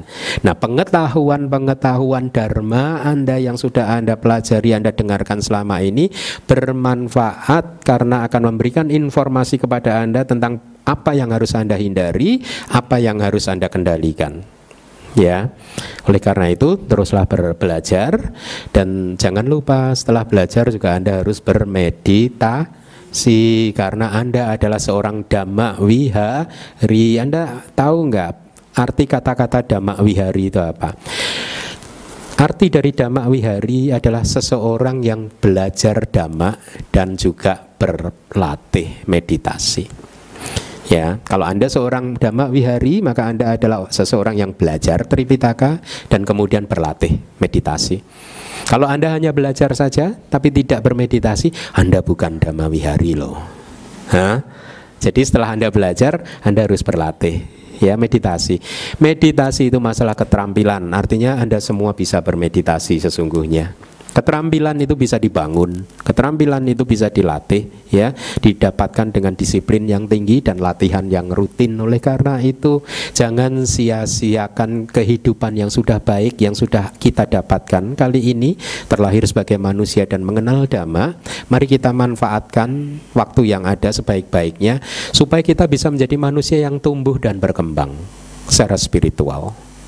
Kebijaksanaan kita tumbuh dan berkembang karena kita belajar pariyati dan juga kebijaksanaan itu tumbuh dan berkembang karena kita juga bermeditasi. Dengan demikian kita tidak menyia-nyiakan kehidupan kita sebagai manusia kali ini ya.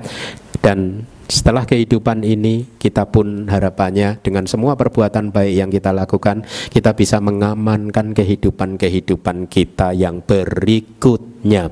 Budang jiwitang ya wa nip banang saranang kacami Saya pergi berlindung kepada Buddha di kehidupan ini hingga nanti mencapai nibba Nah, damang jiwitang yawa nibanang saranang gacami.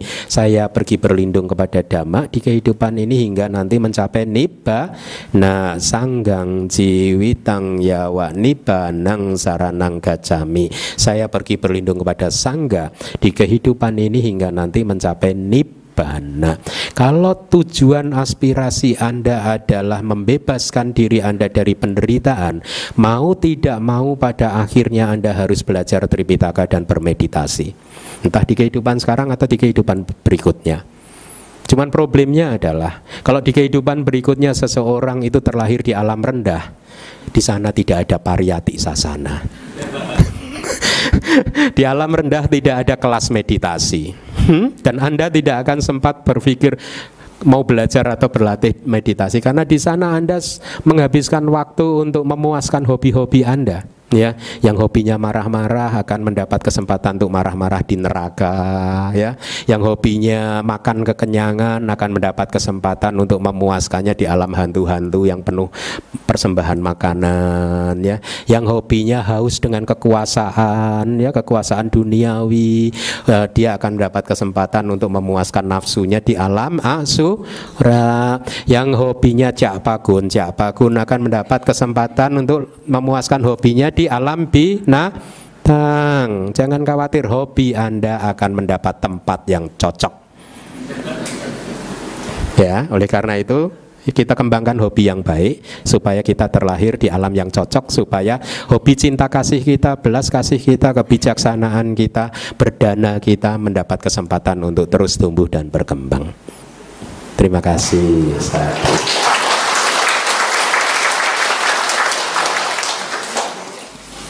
Selamat pagi Bante. Yang mau saya tanyakan dua pertanyaan Bante. Yang pertama mengenai berdana. Seandainya ada yang berniat berdana, ada nominal tertentu yang ingin didanakan, tapi dicicil Bante per hari. Jadi uh, dia menganggap bahwa uh, perbuatan berdana ini tiap hari. Apakah itu benar? Kedua mengenai uh, peng penghasilan yang benar. Kalau uh, usaha apa pembersih gitu ya Bante ya, ya semacam vakum ruangan tempat tidur itu termasuk penghasilan yang benar gak Bante? Makasih Bante. Baik, yang pertama adalah berdana dicicil. Apakah itu benar atau tidak? Enggak ada salahnya. Salahnya di mana? Namanya juga berdana, ya. Berdana itu selalu benar. Ditujukan kepada siapa pun. Ya, bahkan ditujukan kepada orang jahat pun itu adalah tetap berdana. Giving is giving. Berdana adalah berdana, cuman efeknya jadi berbeda. Ya. Efeknya jadi berbeda. Buahnya manisnya juga berbeda. Ada kan ya?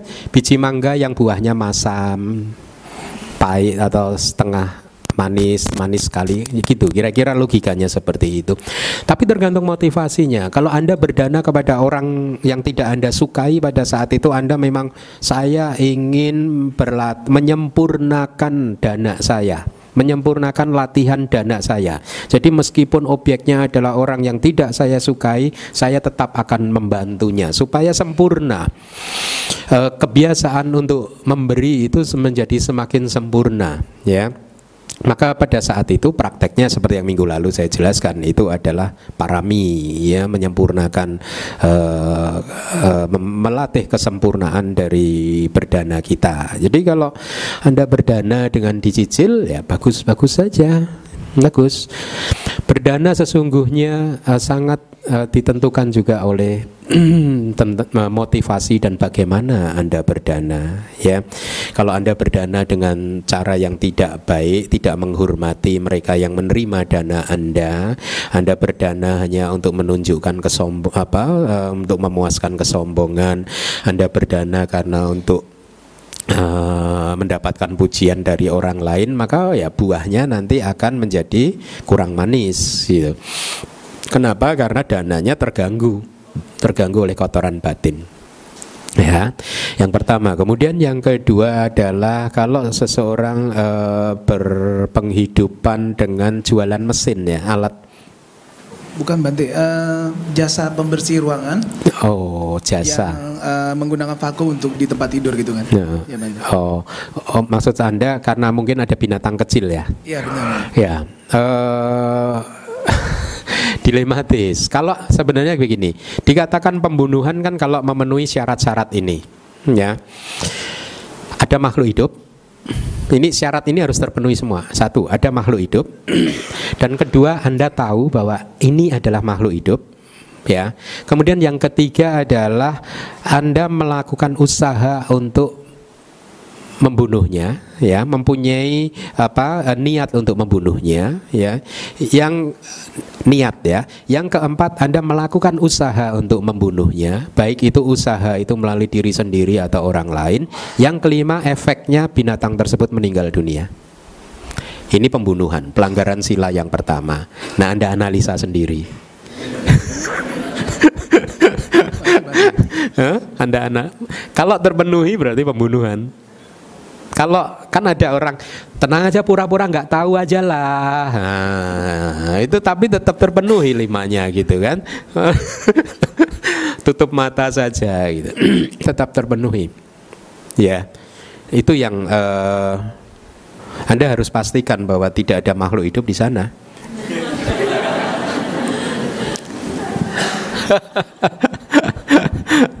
Susah ya.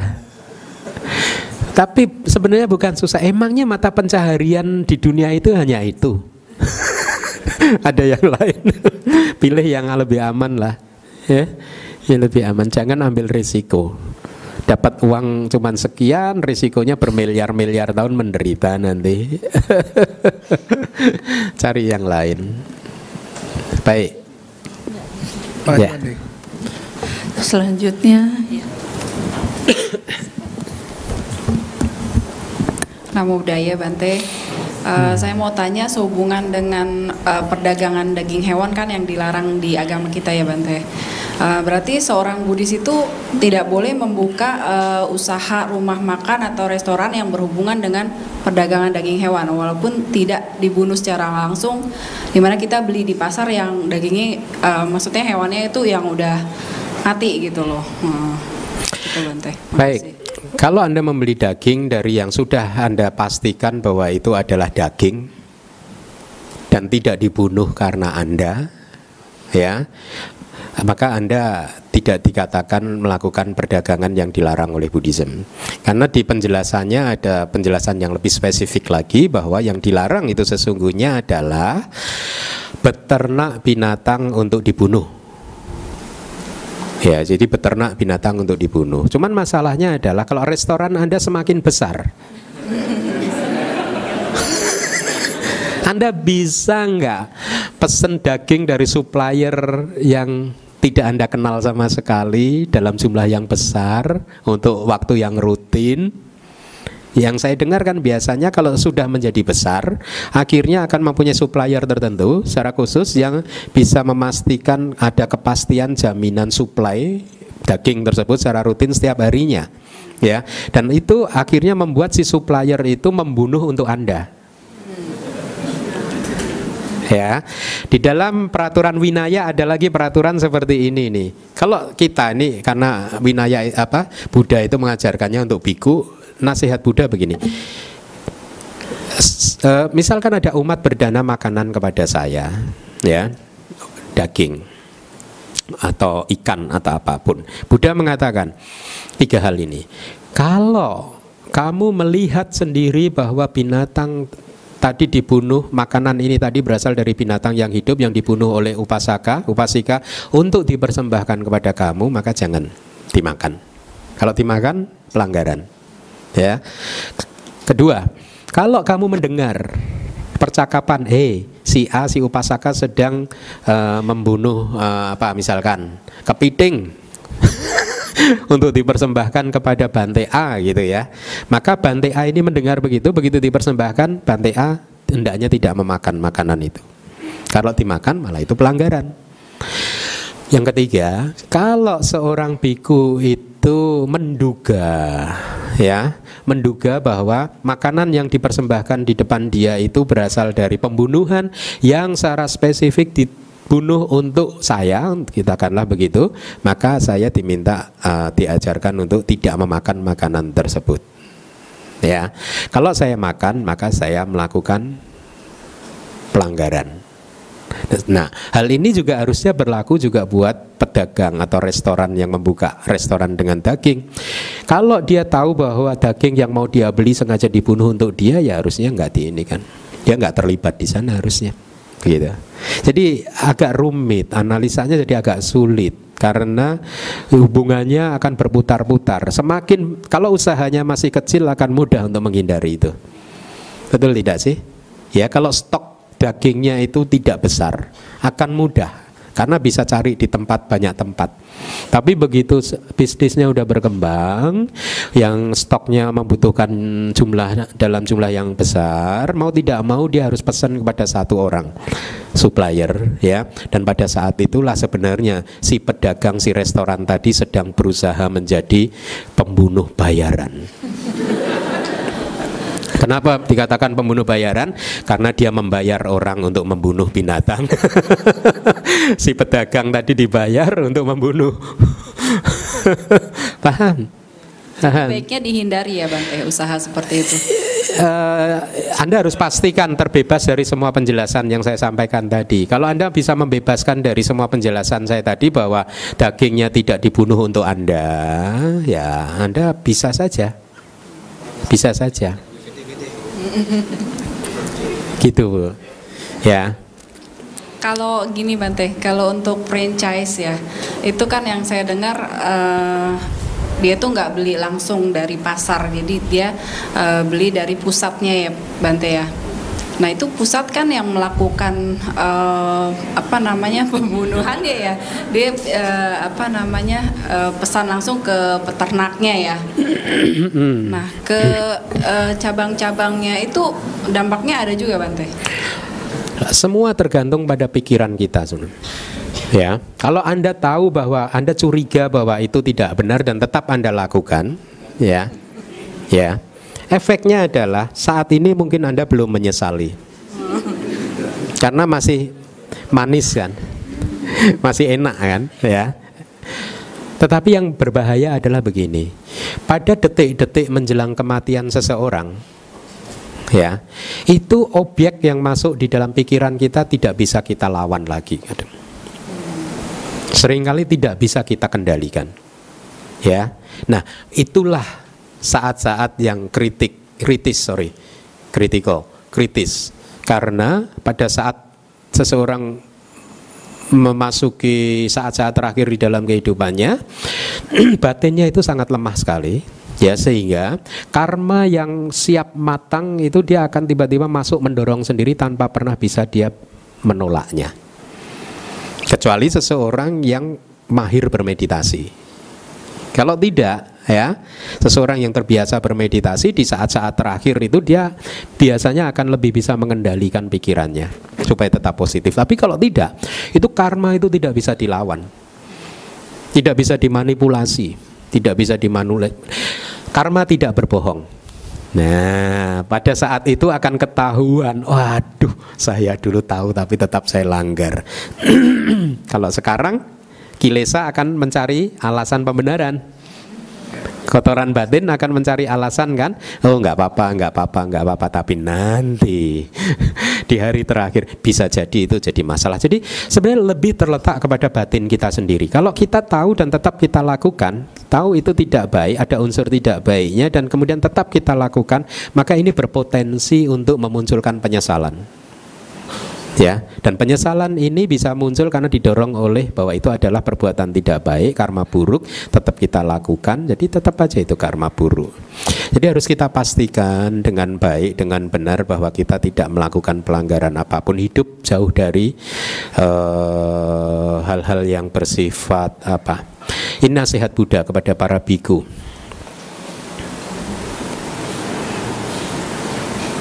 tidak melakukan pelanggaran sekecil apa pun. Sekecil apa pun itu ya sekecil apa pun.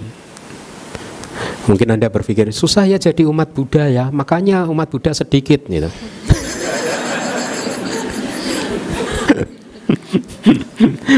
Tapi saya beritahu anda by nature memang umat Buddha harus sedikit. Memang harus sedikit anda ingat waktu Buddha baru mengalami penerangan sempurna, beliau sempat enggan untuk mengajarkan dhamma kan? Kenapa? Karena dhamma ini adalah dhamma ini sangat dalam, lembut, sukar dinalar sehingga akan menjadi sangat melelahkan buat Buddha untuk mengajar pada manusia yang tidak akan pernah bisa memahaminya sampai kemudian Brahma Sahampati turun dan mencoba untuk memohon kepada Buddha dengan menyampaikan Buddha ajarkanlah dhamma demi cinta kasih kasih sayang kepada para makhluk. Karena masih karena ada saja makhluk yang mempunyai sedikit debu di matanya. Ada. Ya sedikit debu di rata-rata banyak debunya. Yang prosentase kecil saja yang sedikit debu jadi memang secara alamiah agama Buddha umatnya harus sedikit karena kita adalah limited edition.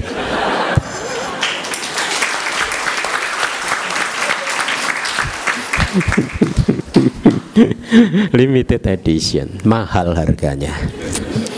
Begitu ya bu? Terima kasih Bante ya sama-sama. Ya, mungkin untuk selanjutnya. Oh. Nama budaya Bante, uh, nama saya Ivon. Um, ini saya ingin menanyakan kembali mengenai pelanggaran dan pembunuhan. Ya, sebagai ibu rumah tangga yang mempunyai dua anak, uh, sejak saya punya anak, saya selalu aware. Saya selalu aware dengan apa yang terjadi jika, ya balik lagi, tamu-tamu yang diundang di rumah saya, saya paling gak suka itu namanya miara ikan apa? Karena saya sudah punya pengalaman pribadi sejak kecil miara ikan aja kalau mati merasa kayaknya sakit hati gitu sedih. Jadi daripada itu mending kita nggak usah miara apa-apa di rumah. Tapi masalahnya itu um, sejak di luar negeri tidak ada terjadi hal yang begitu dengan saya. Tapi sejak pulang ke Indonesia Oh. dengan adanya dua anak saya merasa loh kok um, banyak sekali tamu-tamu yang tak diundang masuk ke rumah misalnya maksud saya tuh yang makhluk hidup kecil ini. Uh, mereka bisa melalui apa saja. Dan sekarang saya melihat bahwa uh, terutama semut-semut ya kita itu berusaha untuk tidak uh, apa namanya membungkus semua barang-barang yang bersifat manis atau apa segala macam. Tapi ada saja dia bisa membuat lubang dan masuk ke dalam indomie ataupun air ataupun apa yang kita sudah masukkan ke dalam toples. Jadi maksud saya itu kita udah berusaha untuk tidak membunuh dan berusaha untuk mengusir secara uh, gimana ya naturalnya kalau kita membawa pergi itu barang mereka pasti keluar dengan sendiri menghilang. Tapi ada saja mereka untuk mencari makan gitu loh. Ah itu nomor satu di, di semua. Jadi saya juga bingung ya kalau tidak cara membunuh gimana ya Bante. Dan kedua itu nyamuk ya. Kita sudah berusaha untuk membuat uh, me- mengepel lantai dengan karbol, serai apa segala macam dan um, apa namanya memakaikan itu serai ke anak-anak gitu. Tapi saja gimana ya tetap digigit gitu. Jadi dia tetap mengikuti masuk eh, ketika kita masuk rumah gitu.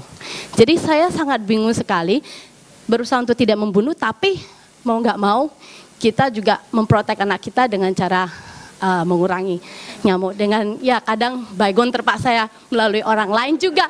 Jadi saya merasa bersalah kadang tiap hari itu menjadi persoalan saya. Tiap hari kalau masuk rumah itu pasti lihat lantai, lihat kaki, lihat apa semua mata itu nggak bisa fokus lagi. Pasti lihat kolong-kolong tiap hari nggak sejam nggak dua menit.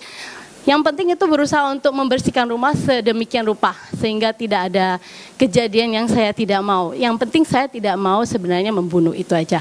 Dan uh, ketiga ya Bante, itu yang membu ya, untuk uh, apa petugas yang mengontrol hama pes di luar itu sebenarnya kan di luar dari uh, permintaan kita. Tapi mereka tetap mem- uh, melakukan pekerjaan mereka tiap hari. Apakah itu termasuk gimana ya? Bagian dari karma kita juga membunuh ya gitu ya Bante. Terima kasih. Ya, bagus, bagus, bagus. Pertama-tama saya mengucapkan selamat karena Anda punya banyak sahabat-sahabat mungkin di depan. Yang tidak diundang, Hah? Se- tidak saya undang. Jangan jangan berpikir seperti itu. Uh, nothing happens without reason.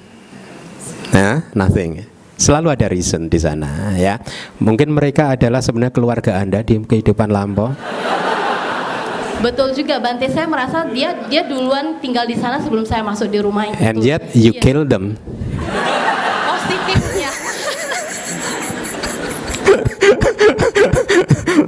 Itu mungkin leluhur-leluhur Anda. Hah?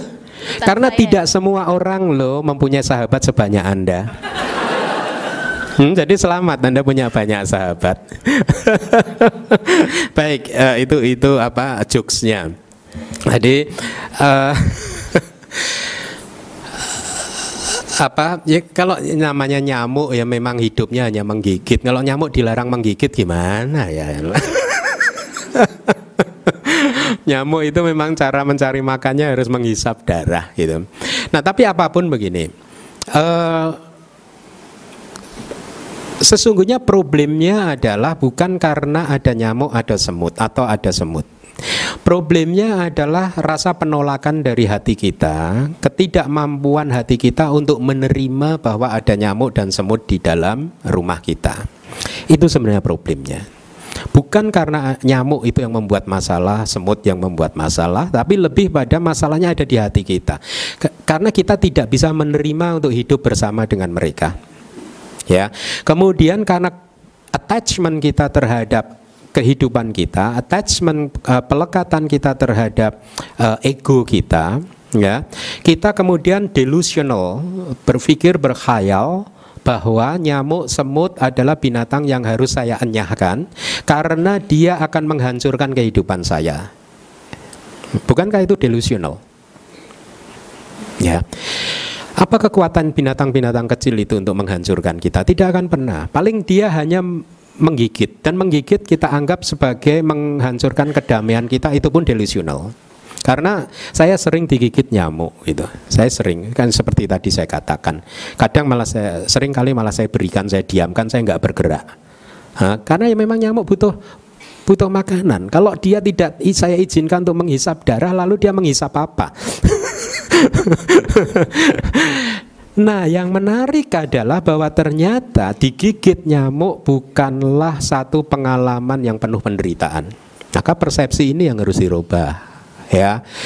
Persepsi persepsi bahwa binatang-binatang kecil atau yang anda uh, katakan tadi sebagai tamu-tamu yang tidak diundang itu adalah objek yang harus dihancurkan karena mengganggu kehidupan anda ini yang harus anda investigasi dengan benar. Apakah pandangan pendapat anda benar terhadap hal tersebut? Apakah benar tamu yang tidak diundang itu benar-benar menghancurkan kehidupan anda Jangan-jangan itu hanyalah khayalan kita. Ya Bante kalau digigit nyamuk kan nanti malaria. Kan kan belum tentu. Jangan memfitnah ular lah. Jangan memfitnah. Sering kali ya itu tadi yang saya katakan di ceramah saya. Kilesa kita akan selalu menemukan alasan yang bijaksana untuk melakukan pembunuhan, untuk melakukan kejahatan. Gitu. Nah, jadi problemnya sesungguhnya adalah pada kita bukan pada binatang tersebut. Ini nasihat ini persis yang saya berikan kepada seorang ibu dari Singapura pada tahun 2008 dikirim oleh adiknya atau kokonya gitu karena ibu ini mempunyai hubungan yang tidak baik dengan anaknya. Ya. Hubungannya sudah sedemikian panasnya sehingga adik atau kokonya itu yang meminta dia untuk ketemu saya. Jadi mereka tidak akur dengan anaknya. Si ibu ini sangat apa uh, uh, memusuhi anaknya lah. nah, pada saat ketemu dengan saya dia menceritakan ah, habis anak saya begini, anak saya begitu, anak saya begini, anak saya begini gitu. Dia udah pergi ke psikolog mana pun tapi tetap saja tidak bisa uh, baik uh, membaik hubungannya sampai kemudian pada waktu ketemu saya saya katakan sebenarnya problemnya bukan di anak ibu gitu. Problemnya adalah di ibu sendiri. Yeah. Problemnya lies in her own heart ada di hatinya sendiri. Ketidakmampuan dia untuk menerima anaknya sebagaimana adanya itu yang uh, sebenarnya problem psikologisnya. Sama dengan hubungan kita dengan nyamuk, semut dan binatang yang kecil yang lainnya ya.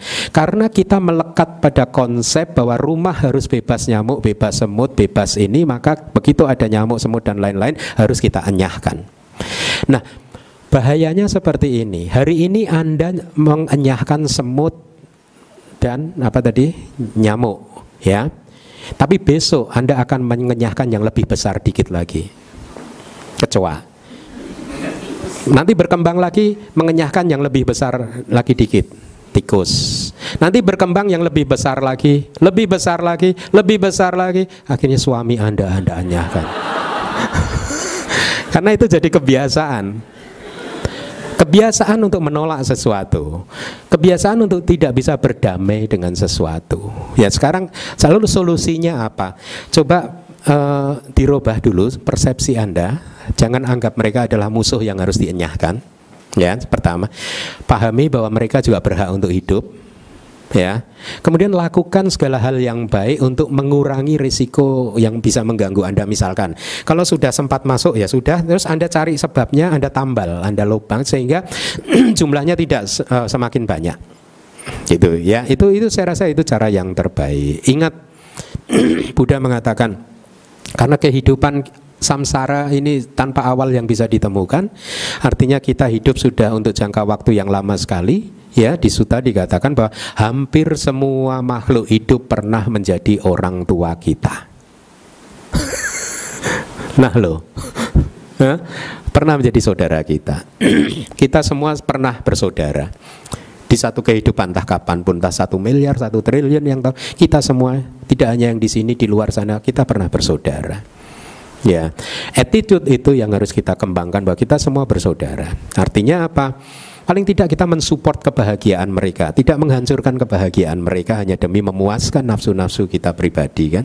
Nah, jadi saran saya persepsinya coba dirubah bahwa mereka bukan musuh, tetapi tetap saja Anda lakukan cara terbaik untuk mengurangi jumlah serbuan-serbuan mereka ya dengan uh, cara apa pun mungkin uh, lubang-lubang Anda tutup ya yang tutup kawat nyamuk dan semut itu Anda cegah ya. Atau dulu kalau saya di hutan itu biasanya kalau saya bermeditasi entah di hutan di makam gitu biasanya saya membuat lingkaran yang agak jauh mungkin satu meter dari tempat duduk saya. Kemudian saya beri garam yang cukup banyak mengelilingi saya. Itu itu menghambat binatang-binatang untuk masuk itu ini ini saya menceritakannya cara yang bisa kita lakukan untuk menghambat mereka masuk bukan untuk mengenyahkan mereka gitu ya. Karena kalau dia masuk kita akan terganggu. Ya sudah kita protek ya.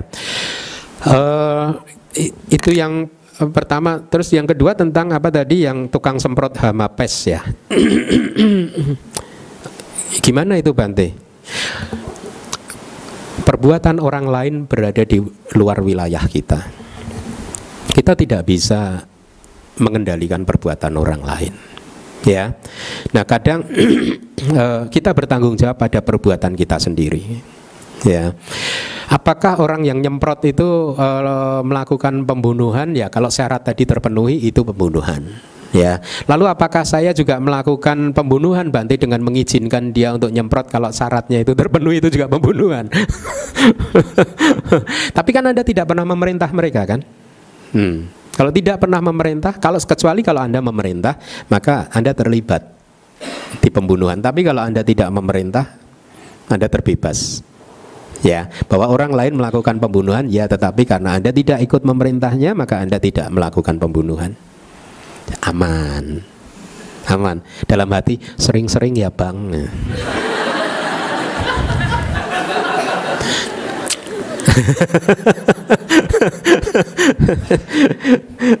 apa tadi uh, cukup ya terjawab ya semua ya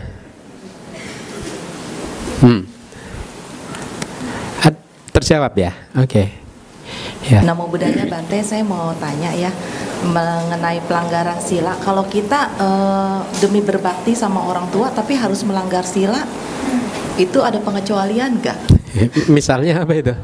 Ya misalnya kayak yang tadi dicerita Bante gitu kan, dia kan sebenarnya kan mau berbakti kan untuk nolong ibunya kan dari penyakitnya gitu, tapi uh. dia harus melanggar sila gitu. Hmm. Karena kalau kita berpikir lagi kalau kita nggak berbakti sama orang tua itu juga kita melanggar sila ya. Iya. Yeah. Itu aja sih Bante. Iya, kalau kita berbakti kepada orang tua harus melanggar sila gitu ya. Jadi bagaimana gitu pertanyaannya ya. Ini pertanyaan uh, seperti bule yang menanyakan pada guru saya dulu kan, ingat nggak? Ya, intinya di dalam kehidupan ini selalu ada pilihan ketiga, keempat, kelima, keenam. Ya, jadi jangan dipisahkan bahwa kalau saya tidak melanggar sila ini berarti saya nggak berbakti sama orang tua. Tidak, tidak bisa begitu. Paham maksud saya? Akan selalu ada cara lain untuk berbakti kepada orang tua dan sekaligus juga tidak melakukan pelanggaran sila apa pun. Paham? Ya. Jadi cerita tadi hanya ilustrasi saja bagaimana seharusnya kita menjaga sila-sila kita, ya. Tetapi bukan berarti lalu uh, kalau kita ingin berbakti kepada orang tua kalau apa tidak mau melanggar sila berarti kita tidak berbakti. Tidak tidak seperti itu. Ya ada cara lain untuk berbakti tanpa harus melanggar sila apa pun. Ada pilihan ketiga, keempat, kelima, keenam. Ya. Jadi jangan persempit cakrawala pandang Anda terhadap masalah yang sedang Anda hadapi dengan hanya memberikan bahwa solusinya hanya ada dua. Akan selalu ada solusi ketiga, keempat, kelima. Paham maksud saya? Paham ya? Jadi akan ada cara lain untuk berbakti sekaligus tidak melanggar sila. Gitu. Cerita tadi kan bagus karena cerita-cerita itu hanya ilustrasi untuk menginspirasi kita. Dia tidak melanggar sila, mamahnya sembuh juga. Ya tidak ya paham bu ya gitu oke yang lain terakhir selamat siang Mante saya mau nanya Bante tentang kasus yang tadi pembunuhan. Tadi Bante kalau nggak salah saya tangkap, uh, saya nangkapnya gini, uh, kalau membunuh itu ada kehendak, berarti disebut dia membunuh. Nah, bagaimana dengan kasus kita makan sosis Bante? Misalkan kita kan tahu sosis itu kita kan sering diiklanin sama media TV gitu Bante. Cara membunuh ayamnya begini begini begini. Berarti otomatis itu sosis kita udah nggak boleh makan lagi dong Bante. Terima kasih.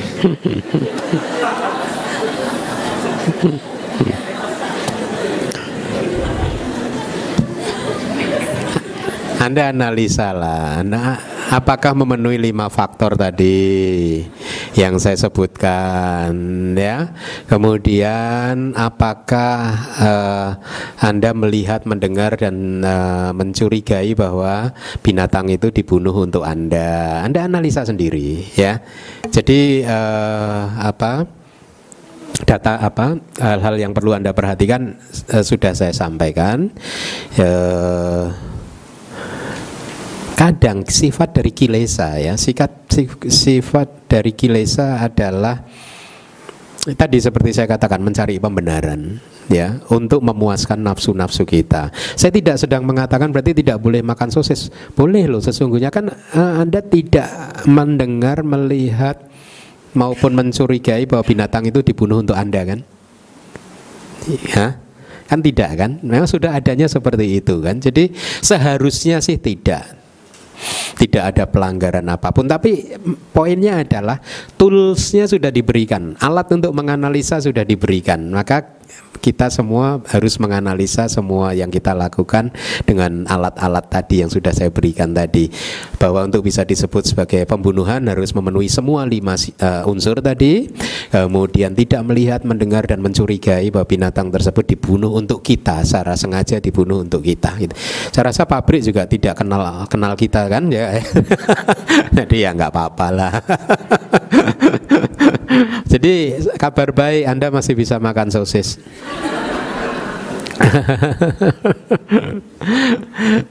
saya itu ya kadang saya pernah kan ke negeri berkunjung ke negeri Buddhis Mahayana uh, Buddhis yang Mahayana ya. Kalau di Mahayana kan uh, semua nggak boleh makan daging kan dan umat-umat di sana itu taunya biku nggak makan daging.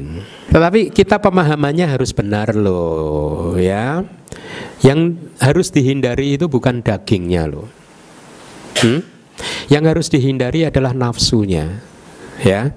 Nafsu terhadap daging itu harus dihindari. Tetapi sama juga nafsu terhadap vegetarian juga harus dihindari attachment kepada apa pun itu harus dihindari gitu ya daging itu bukan sebab dari penderitaan ya daging itu hanyalah kalau di dalam kerangka empat kebenaran mulia daging itu adalah kebenaran mulia yang pertama anda tahu nggak kebenaran mulia yang pertama adalah kebenaran mulia tentang pende penderitaan. Kebenaran mulia tentang penderitaan itu adalah pancu padana kanda duka. Lima agregat yang menjadi objek kemelekatan. Ya, itu adalah duka, adalah penderitaan. Nah, daging itu adalah penderitaan ya objek dari kemelekatan. Nah Buddha mengajarkan di kebenaran mulia yang uh, pertama itu adalah sesuatu yang harus kita pahami seutuh-utuhnya, selengkap-lengkapnya. Jadi daging itu adalah objek yang harus kita pahami seutuhnya. Daging bukanlah objek yang harus kita hindari. Paham?